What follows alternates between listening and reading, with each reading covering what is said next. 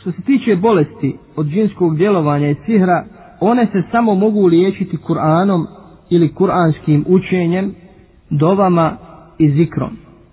Kaže uzvišeni Allah Đelešanuhu وَنُنَزِّلُ مِنَ الْقُرْآنِ مَا هُوَ شِفَاءٌ وَرَحْمَةٌ لِلْمُؤْمِنِينَ وَلَا يَزِيدُ الظَّالِمِينَ إِلَّا خَسَارًا Mi objavljujemo u Kur'anu ono što je lijek i milost vjernicima, a nevjernicima on samo propast povećava.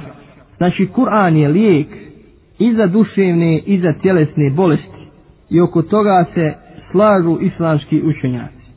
Kaže Ibn Qayyim rahimehullah, kaže jedne prilike sam se razbolio u Mekki i ne nađoh ni ljekara niti lijeka. Liječio sam se fatihom, proučio bi je više puta na gutlja zemzema pa bi to popio. Poslije toga sam definitivno ozdravio i ovaj recept sam počeo primjenjivati i na sve druge bolesti i efikasno sam ih liječio. Znači sihr je zabranjeno liječiti sihrom, nego se liječi Kur'anom, dovama i zikrom.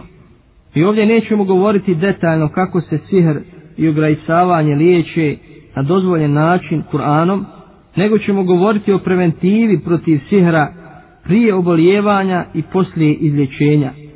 Jer je to najbitnije.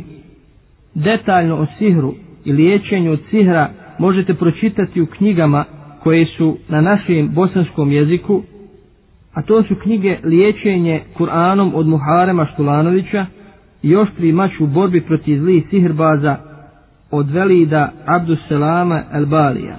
Ono što je najbitnije